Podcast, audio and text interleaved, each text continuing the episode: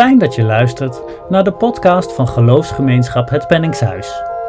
Wij zijn een vrijzinnig christelijke geloofsgemeenschap uit Deventer. Bij ons staat ieders keuzevrijheid voorop.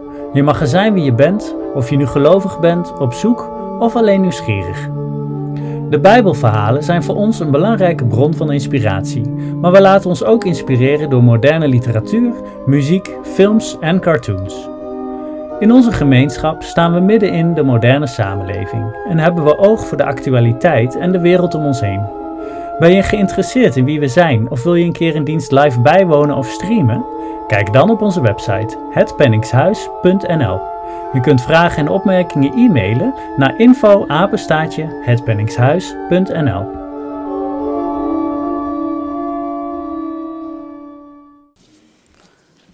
Goedemorgen allemaal. Ik heet u allen welkom in onze geloofsgemeenschap Het Penningshuis. Hier in de kerkzaal, maar ook voor de mensen thuis die online onze dienst bekijken. Mijn naam is Margriet Bondhuis. Ik ben vanmorgen uw gastvrouw. Mochten er vragen zijn of opmerkingen, dan kunt u gerust naar de dienst even bij me komen. De dienst van vandaag wordt voorgegaan door Jelme Koornstra, emeritus doopsgezind predikant uit Drachten. Welkom. Het orgel wordt bespeeld door Evert van Dijk en de collecte is voor Musicians Without Border en wordt toegelicht door Harm-Jan Jansen. En de bloemen uit de dienst zijn voor Annelies Kroon. Zij is afgelopen week 49 jaar geworden. Niet? 52. Excuus. ja. En in ons midden zijn ook Jasper en Linnea. En er is vanmorgen ook Knutsel Verteluur. Dan ga ik nu de kaars ontsteken en de Bijbel openen. En dan zijn we een ogenblik stil om ons voor te bereiden op deze dienst. Ik wens ons allen een goede dienst.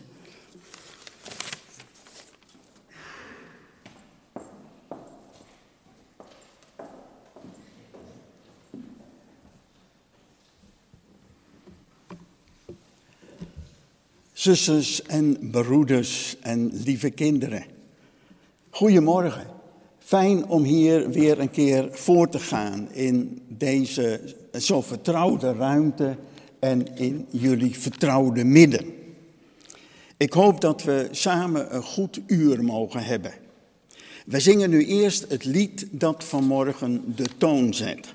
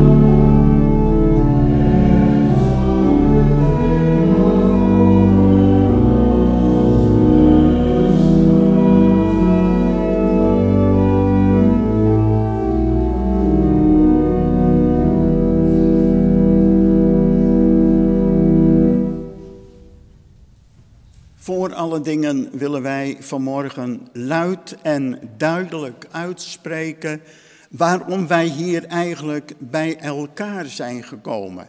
In dit huis van het licht.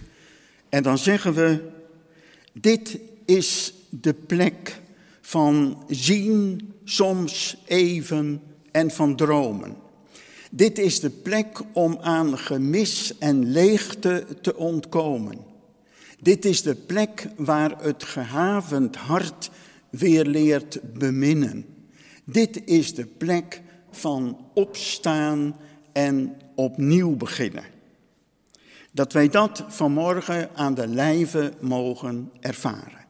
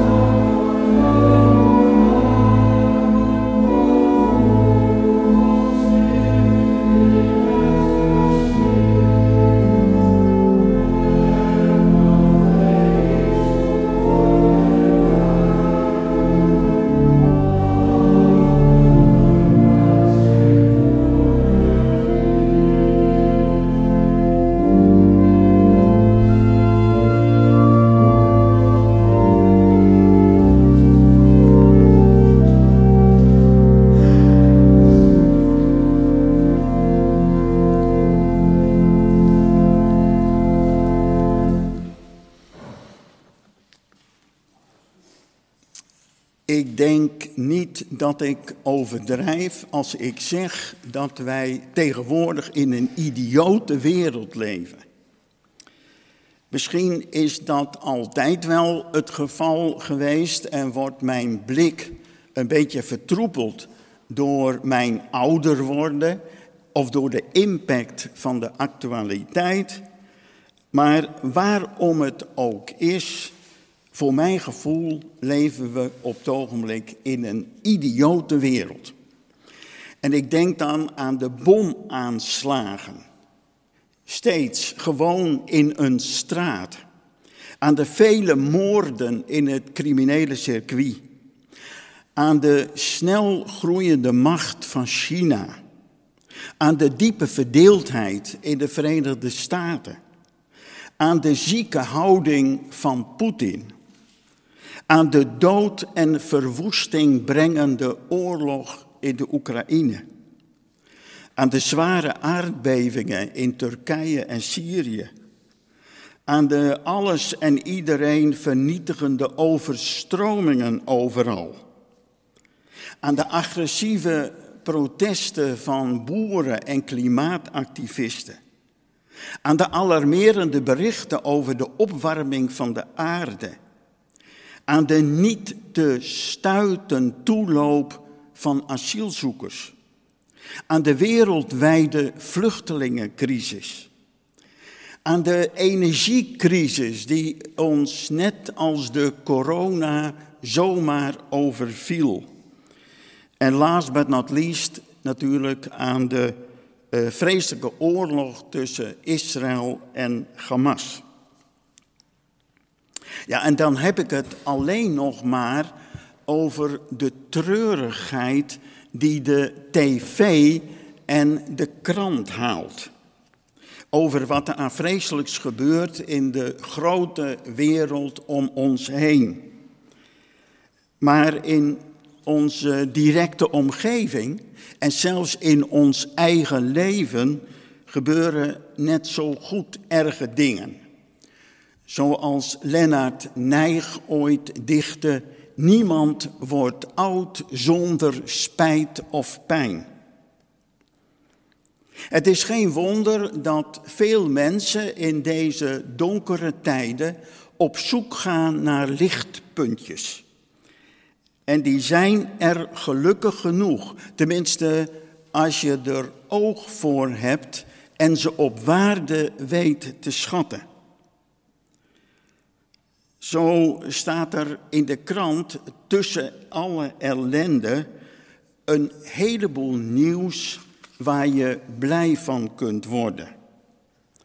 En op de televisie zijn elke dag wel programma's te zien die de wereld mooier kleuren.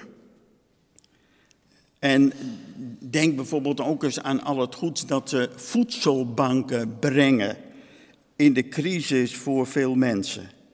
En aan al die vrijwilligers in de sport en in de zorg.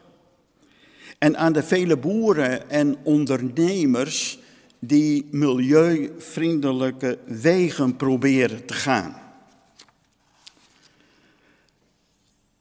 Dat ik deze dingen juist vanmorgen en hier noem, dat is omdat de kerk van ouds een plek is om over licht te horen in tijden van duisternis en over uitzicht als alle hoop verloren is. En vandaag uh, doen we dat aan de hand van het Bijbelboek Openbaring. Daar wordt niet zo vaak aandacht aan besteed in kerkdiensten, omdat het niet makkelijk leest. Maar we zullen zien dat het een ongekend positieve ondertoon heeft. Een ondertoon die gevoed wordt door het vage, maar daarom niet minder hardnekkige gevoel dat we waar vandaan ook gedragen worden. En we zingen een lied dat dat gevoel onder woorden brengt.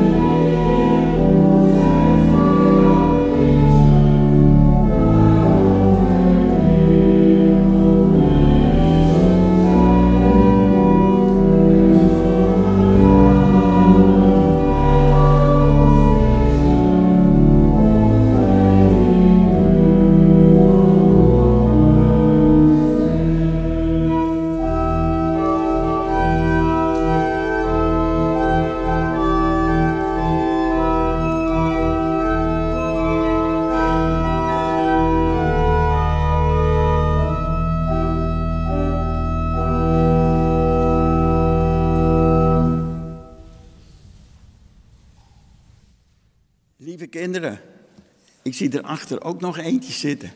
Fijn dat jullie er vandaag ook bij zijn. Uh, ik zei zo pas tegen de grote mensen dat er voor mijn gevoel in de wereld een heleboel niet is zoals het zou moeten zijn. dan is er hier een ramp en dan daar. Er is altijd wel ergens oorlog. Mensen maken ruzie met elkaar en doen soms gemeen en ga zo maar door. Ik weet niet of jullie dat ook zo zien, maar ik hoop wel dat je ook gemerkt hebt dat, er, dat het niet allemaal ellende is. Dat er ook een heleboel lieve en goede mensen zijn. En dat er een heleboel goede en leuke dingen gebeuren. En ik hoop dat je dat al vaak hebt meegemaakt. Misschien heb je wel een keer bij het voetballen op straat de bal per ongeluk in de prachtig aangelegde tuin van de overburen geschopt. Allemaal bloemen kapot en zo. Maar kreeg je de bal gewoon weer vriendelijk terug.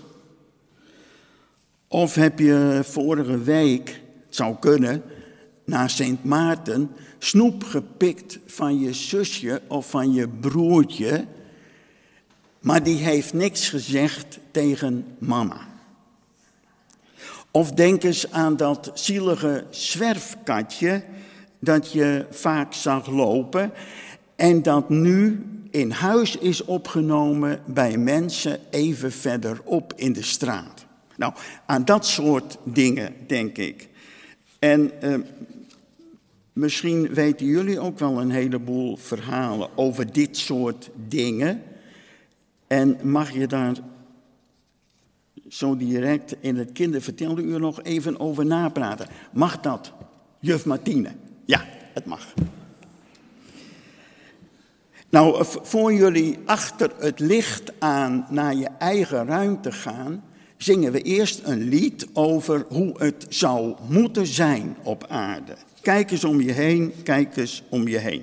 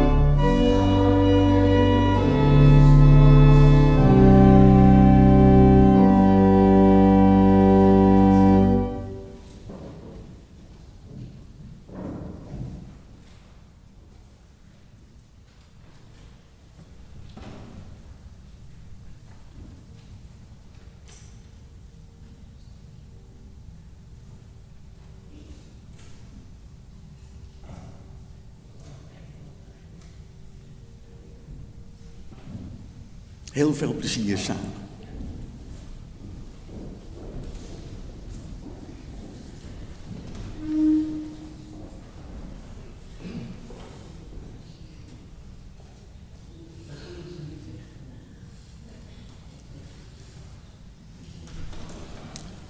Centraal staat uh, vanmorgen eigenlijk het hele Bijbelboek Openbaring. Maar dat is een heel groot boek. En uh, dat kun je dus niet voorlezen in de kerk. Uh, daarom heeft Karel Eijkman er ooit een samenvatting van gemaakt. En uh, ik denk dat dat ook nog wel staat in de kinderbijbel woord voor woord. En ik heb daar dan weer een nog iets kleinere samenvatting van gemaakt. Het is toch nog een heel verhaal geworden, zullen we nu horen van Pieter. En uh, daarna luisteren we als een soort antwoord daarop naar de instrumentele versie van Dear Father van Neil Diamond. Maar nu eerst openbaring.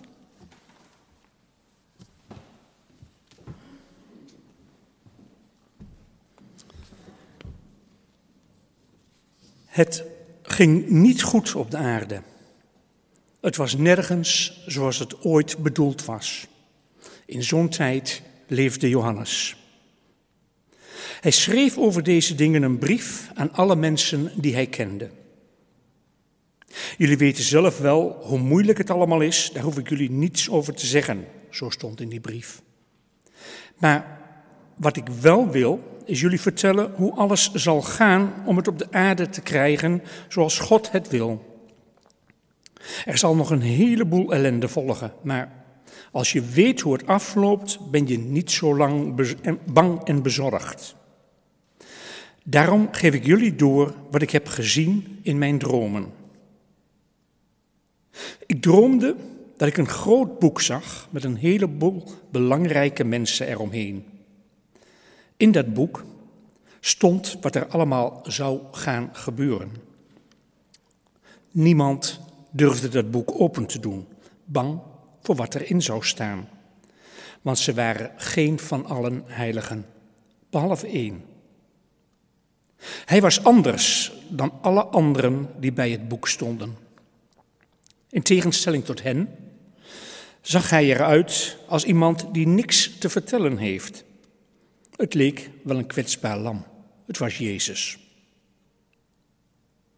Hij deed het boek open en over zijn schouder meekijkend zag ik op de eerste bladzij een groot wit paard.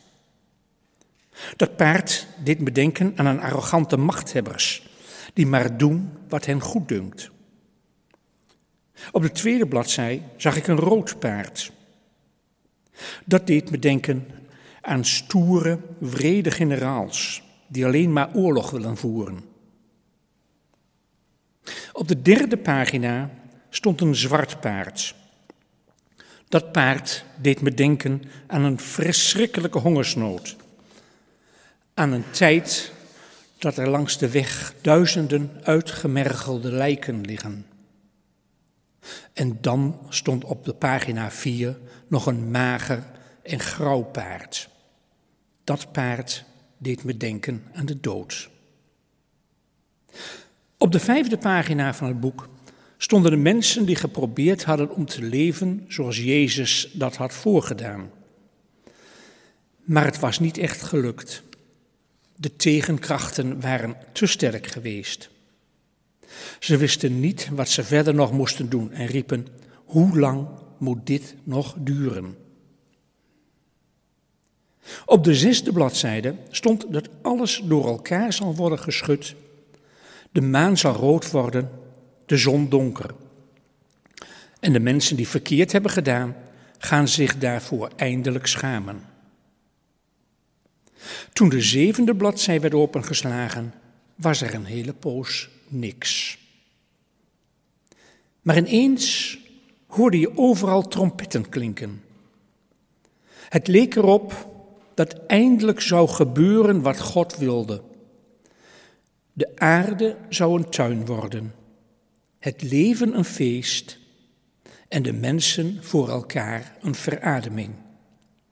Daarom was er muziek om dat alvast een beetje te vieren. Maar al gauw bleek dat de slechte mensen en de kwaaie krachten het nog altijd voor het zeggen hebben maar er was een begin gemaakt. God stond op het punt om de draak, het kwade, eronder te krijgen. De engelen, de helpers van God, wisten de draak in het nauw te drijven, maar hij ontsnapte.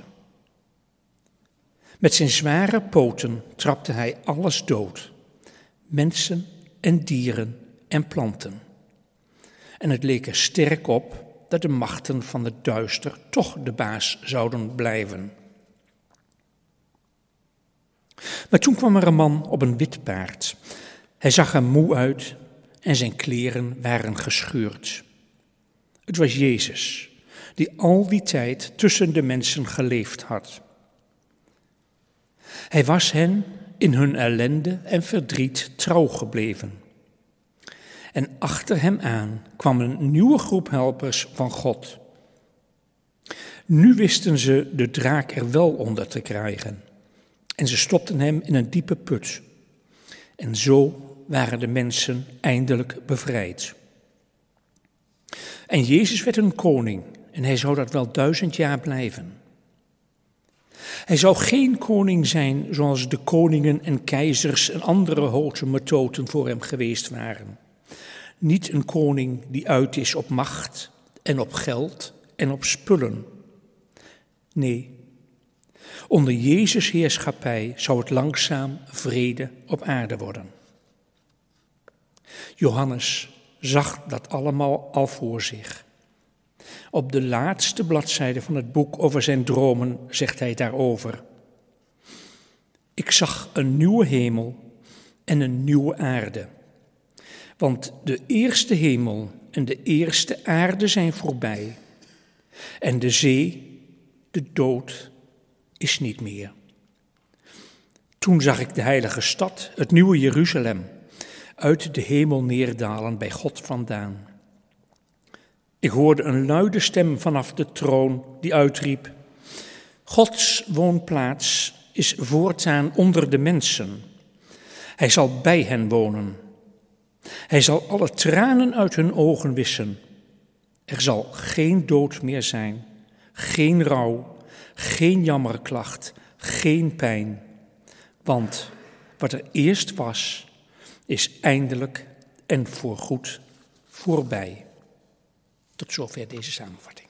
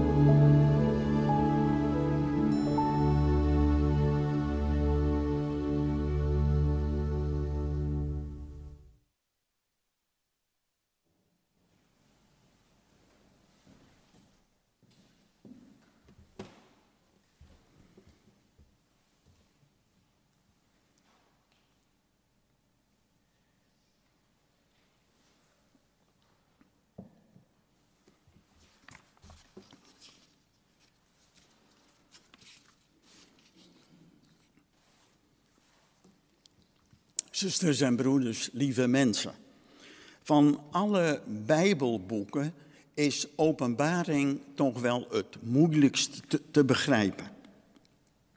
Je vraagt je bij het lezen voortdurend af, waar gaat dit in godsnaam over? En we zullen ons best moeten doen om daarachter te komen.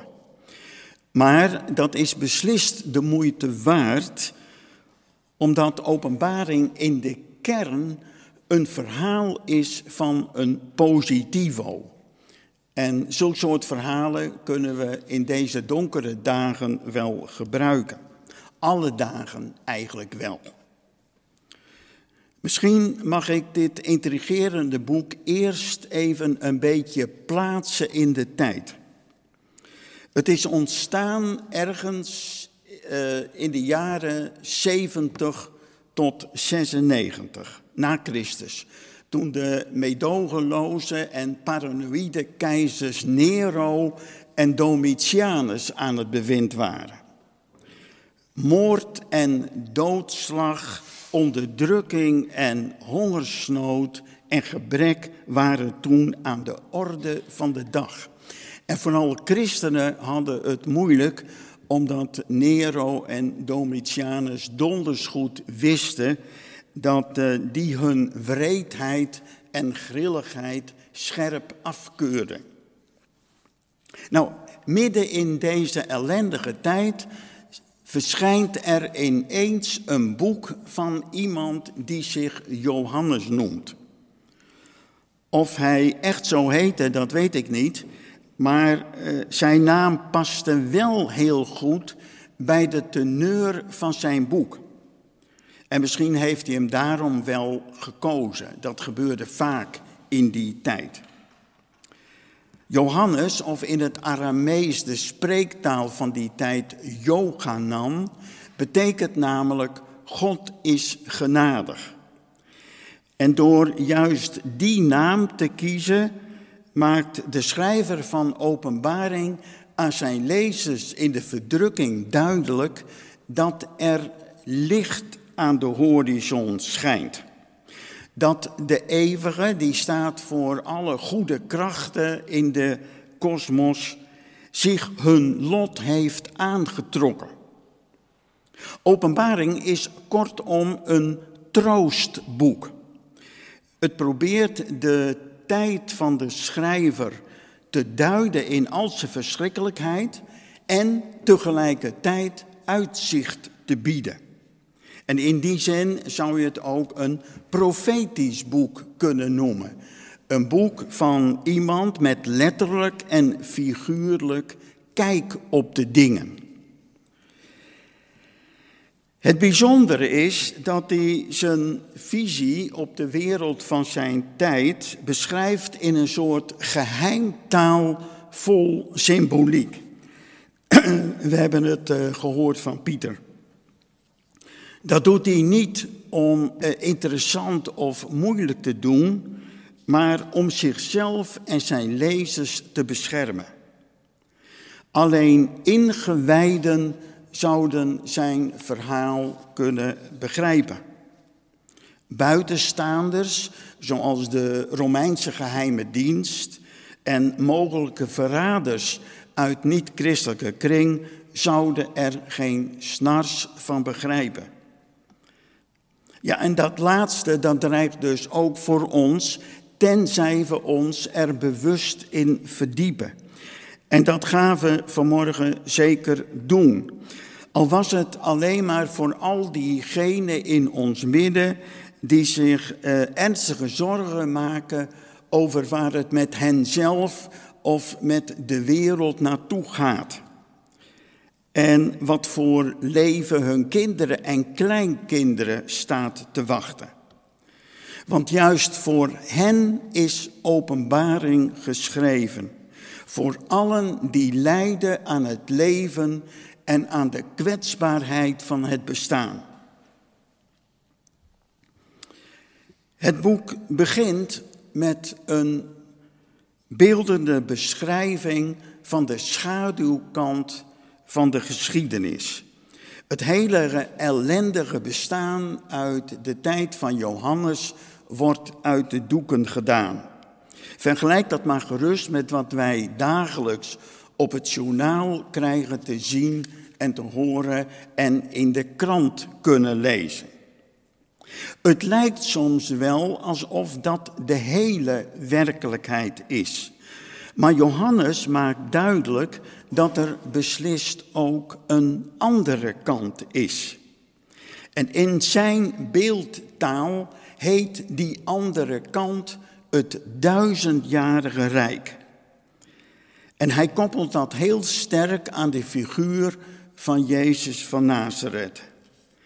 Met hem is werkelijk wat nieuws in de wereld gekomen, zegt Johannes met zoveel woorden. En van tijd tot tijd wordt daar iets zichtbaar en tastbaar van. Nou, al die momenten van zien soms even, en dat zijn er best een heleboel als je er even bij stilstaat. Al die mensen die wat van God begrepen blijken te hebben, en dat zijn er toch heel veel als we er goed over nadenken. Al die plekken en situaties waarin iets doorbreekt van liefde, vrede en recht. En dat zijn er de geschiedenis door nogal wat, als je ze op je laat inwerken. Dat alles noemt Johannes het duizendjarige rijk. En dat heeft dus niets te maken met 999 jaar plus 1. Dat is geen tijdspanne, maar dat is een morele gesteldheid. Een hoogstaande mentaliteit die on, onweerstaanbaar bezig is te groeien. Ik vind het persoonlijk een heel aansprekend beeld, dat van het duizendjarige rijk. En dat komt omdat ik het eerlijk gezegd geregeld om mij heen zie. En dan denk ik bijvoorbeeld aan iemand met een ernstige handicap die vier staande blijft. Ik denk aan een man die trouw zijn zieke vrouw naar haar einde helpt. Ik denk aan de glimlach van een kind die je helemaal blij maakt van binnen. Aan een boekhouder die weigert nog langer te sjoemelen. Aan een buurvrouw die barmhartig is in haar oordeel. Aan een politicus die verbindende taal spreekt. Aan jongeren die het opnemen voor een klasgenootje in de knel. Aan een meisje dat liefdevol een paard streelt. Aan een popzanger die vecht voor het behoud van het oerbos aan zomaar iemand die de minste wil zijn. Aan een topsporter die sportief is. Aan al die journalisten die daar aanwezig zijn in de wereld waar het leven geen leven is. Aan jonge mensen die met hart en ziel kiezen voor de zorg. Aan leraren die hun uiterste best doen om het contact met de jongere generatie vast te houden. Enzovoort, enzovoort. Al die dingen waarvan je zegt, Jezus heeft niet voor niets geleefd. Wat het beeld van het duizendjarige rijk eigenlijk wil uitdrukken, dat is, verkijk je niet op het donkere in het bestaan. Het is er en het is er zelfs een heleboel, maar het is er niet alleen en het is er niet altijd en overal. Er is ook liefde en erbarmen en licht en ruimte en goedheid en vrede en recht en adeldom. De wereldgeschiedenis wordt niet alleen bepaald door de Nero's en de Hitlers en de Poetins en de wrede gekken van IS en Hamas, maar ook door mensen als Albert Schweitzer en Simone Weil en Martin Luther King en Major Boshart en Nelson Mandela en Malala.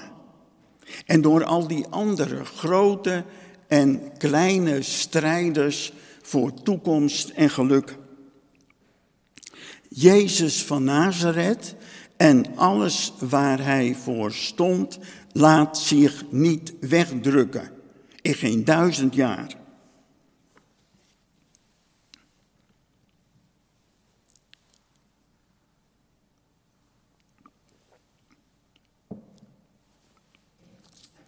Sterker nog, eenmaal zal zijn geest de hele schepping beheersen, zo voorziet Johannes in zijn visioen van de nieuwe hemel en de nieuwe aarde.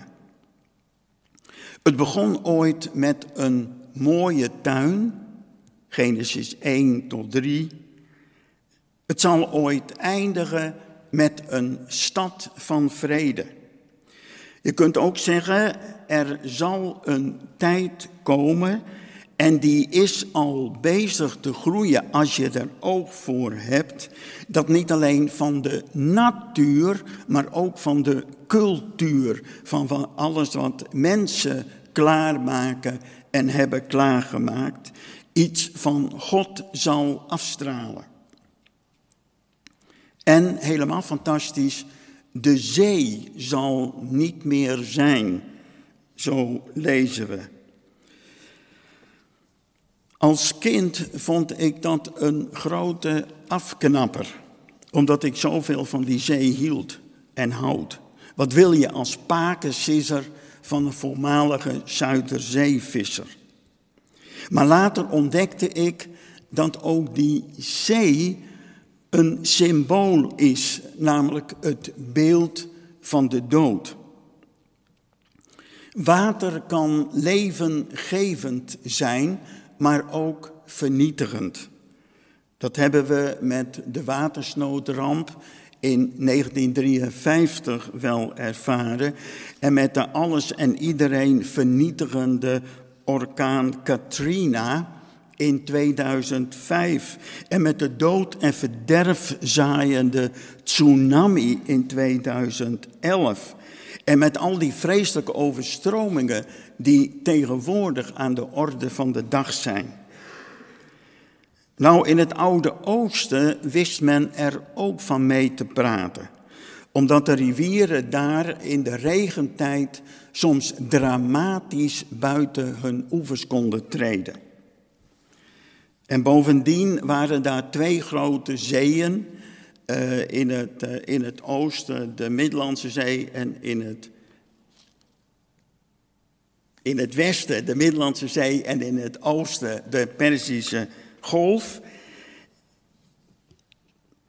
En daar kon het enorm op spoken, vooral in de beleving van mensen die uh, bergen waren gewend en heuvels en woestijnen.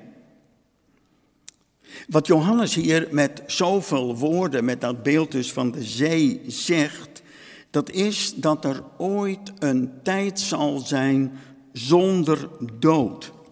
Een tijd waarin rouw, jammer en gemis niet langer zullen voorkomen. Ik denk hier zelf allereerst aan al die mensen die je bij wijze van spreken dood zou kunnen noemen. Die om wat voor reden dan ook, en desnoods zonder reden, nooit tot hun bestemming zijn gekomen. Aan wie het leven op de een of andere manier voorbij is gegaan. Die er wel waren, maar alleen als toeschouwer. En ik denk ook aan al diegenen die zo door het leven zijn geschonden, eh, dat ze daar nooit bovenuit zijn gegroeid. Wat moet het als je er zo voor staat, heerlijk zijn om te horen dat jij ooit een vrij en vrolijk mens zult zijn, opgelucht en opgericht door schenen van Gods licht. Wat moet het fantastisch zijn om te horen dat alles wat jou knelt en neerdrukt en klein houdt, eenmaal verdwenen zal zijn. Je afkomst en je opvoeding en je fouten en je verleden en je remmingen en je wonden. Dat je ooit zult zijn die je kunt zijn, een geheeld mens. Dat zou op zich als toekomstbeeld al geweldig zijn, denk ik. Maar het is nog veel mooier. Ook wat wij de lichamelijke dood noemen, zal niet meer zijn, zo voorziet Johannes. De gedurende zijn leven steeds rationeler geworden theoloog Harry Kuitert vond dat een droom die in de moderne tijd niet meer kon. Hij noemt het een uiting van voorwetenschappelijk denken. En er zullen er ook onder ons zijn die dit visioen van Johannes te mooi vinden om waar te zijn. Maar voor mij is het juist te mooi om niet waar te zijn. Een heerlijk perspectief voor al die miljoenen die door de dood geslagen en verslagen zijn. Die een dierbare verloren die ze gewoon niet konden missen. Of van wie ze vonden dat zijn of haar leven nog niet af was. Of met wie ze nog zoveel hadden willen bepraten. Of aan wie ze nog iets goed hadden willen doen. Zij krijgen samen met al die mensen in de verdrukking uit de tijd van Johannes te horen dat eens die vervloekte dood niet meer zal zijn. Een geweldig perspectief, een heerlijke troost. En in feite de enig logische consequentie van een geloof in die stille kracht waar ook vandaan, die de wereld draagt en die onze vaste grond is. Amen.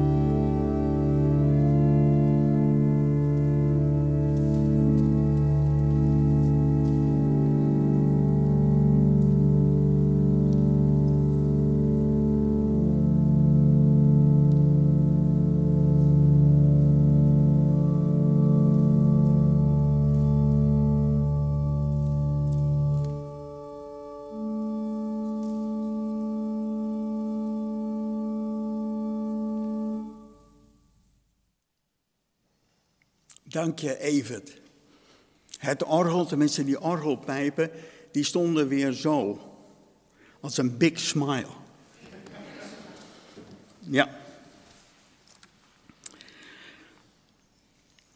Dan willen we nu onze gebeden uitspreken met die overmachtige werkelijkheid voor ogen die we lang geleden God zijn gaan noemen.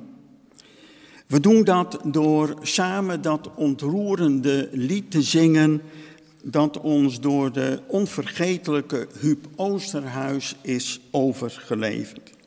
Zij die stom zijn.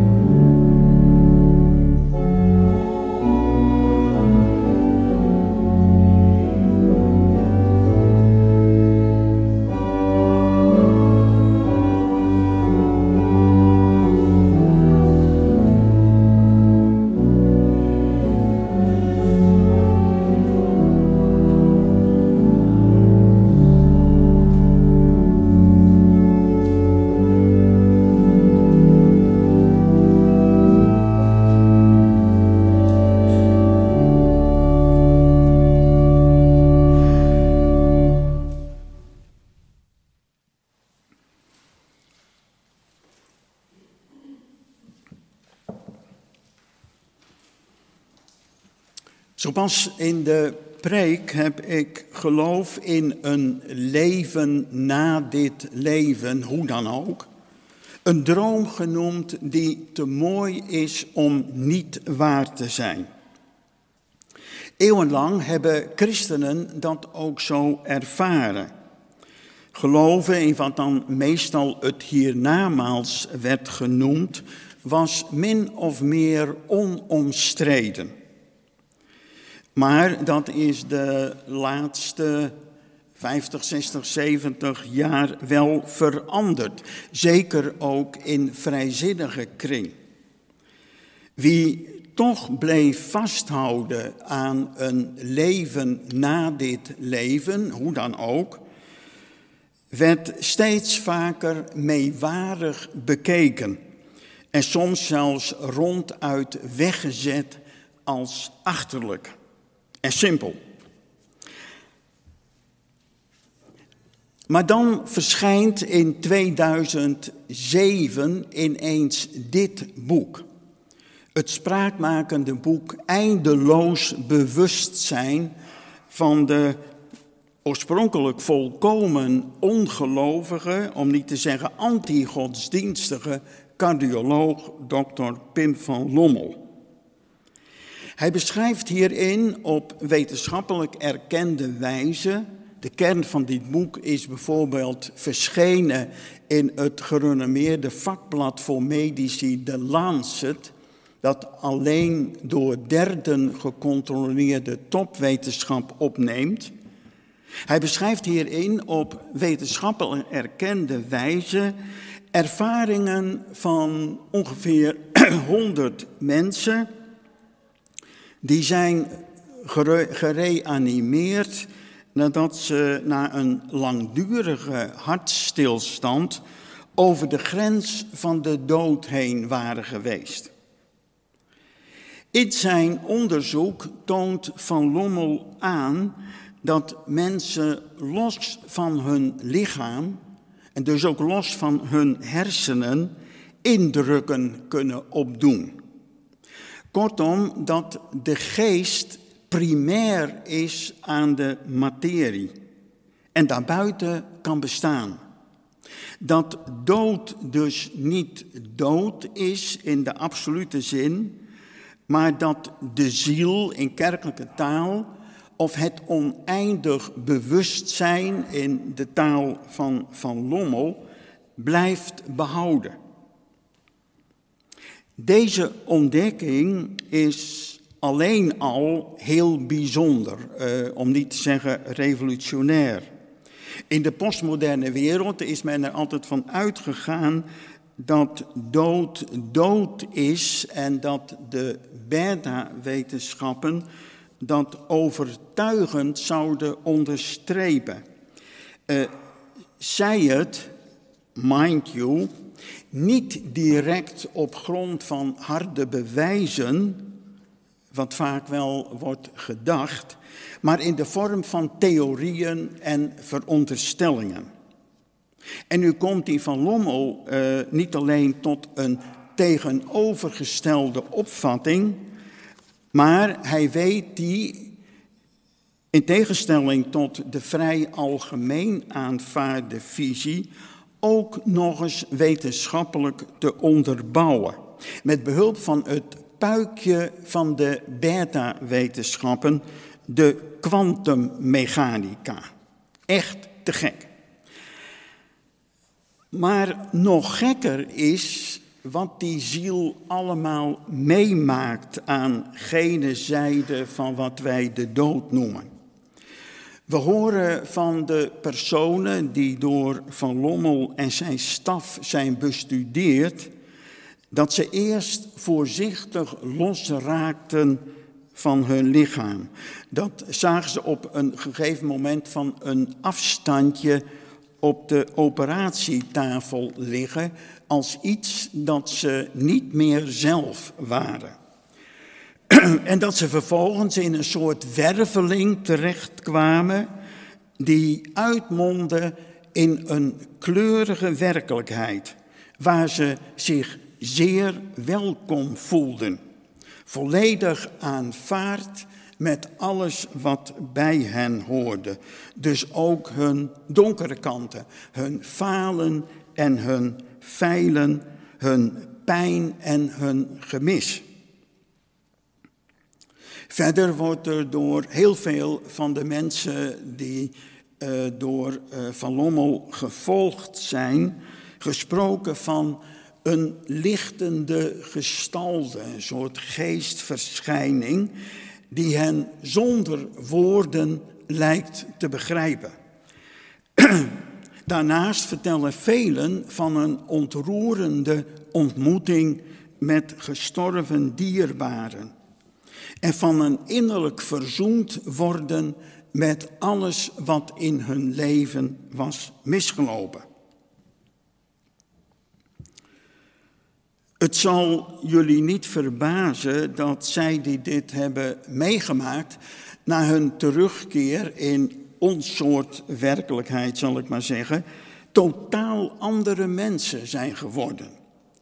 Frustratie en woede en afgunst zijn in hen verdwenen. Ze zijn vervuld door een diep gevoel van mildheid. Bovendien hebben ze oog gekregen voor waar het in het leven werkelijk om gaat. Hebben en halen en houden zegt hen niks meer. In plaats daarvan wordt hun leven en denken en voelen bepaald door helen en delen. En tenslotte blijken ze allemaal, op, op, nou bijna allemaal, uh, religieus te zijn geworden. Let wel, niet kerks, niet christelijk, niet dogmatisch, maar religieus. De intuïtieve kant van de gelovigheid. Ze zijn bijna of, of echt allemaal religieus geworden. Ook die meer dan 50% die daar van huis uit totaal niet mee bekend was. Ik dacht toen ik deze dingen opschreef, onze overleden dierbaren moeten nu ook weten van al deze ervaringen. Hoe moeilijk hun aardse bestaan misschien ook is geweest, hoe pijnlijk en tragisch de afloop van hun leven, ze moeten zich nu hemels voelen, bevrijd en opgericht. En dat moet voor ons die om hen rouwen toch een troostrijke gedachte zijn.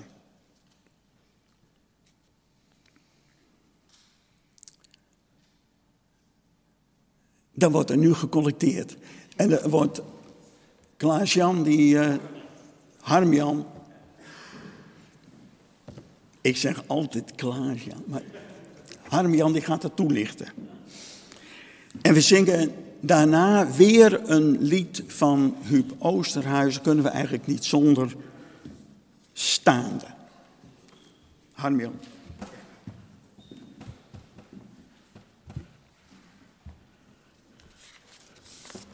Dank je, Jelmer.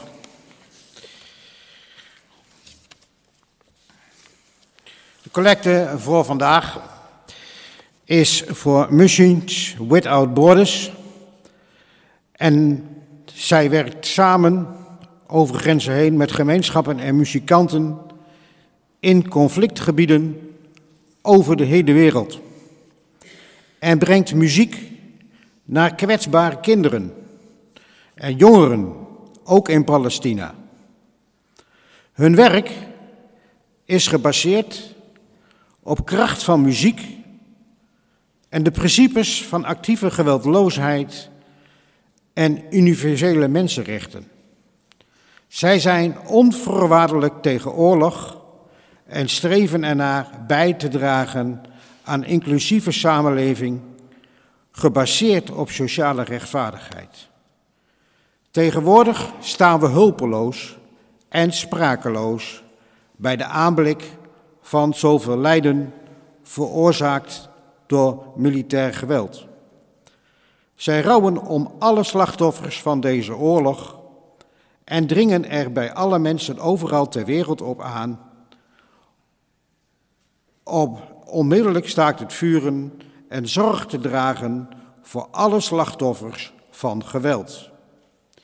Zij erkennen de fundamentele onrechtvaardigheid van bezetting en apartheid die dit gewelddadige conflict decennia lang heeft aangewakkerd en heeft geleid tot aanhoudende ellende, trauma, verloren toekomst. Zij benadrukken de dringende noodzaak om gerechtigheid en mensenrechten voor Palestijnen te herstellen en de veiligheid en waardigheid van alle kinderen en vrouwen en mannen in de regio te respecteren en te waarborgen. Hun gedachten en gebeden zijn bij alle burgers, vooral bij de kinderen, inclusief kinderen. In hun pra- prachtige muziekproject in Palestina. Barem Giras. Waar ze kunnen en waar nodig Missions Without Borders zal deze activiteiten voortzetten. Omdat elk positieve daad telt, doet ertoe. Oorlog verdeelt, muziek verbindt. Ik beveel daarom deze collecte van harte bij u aan.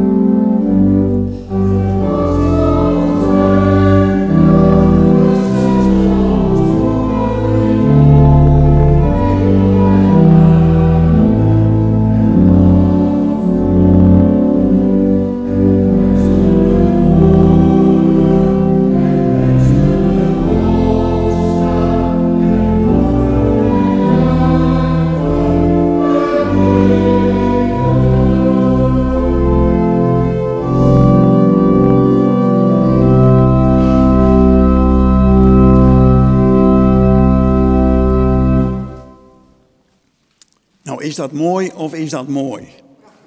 Prachtig lied. Hè? Ja, mensen dat wij uit deze bevrijdende hoop mogen leven. Mogen die overmachtige en eeuwige kracht die wij God noemen, ons daarin zegenen. Amen.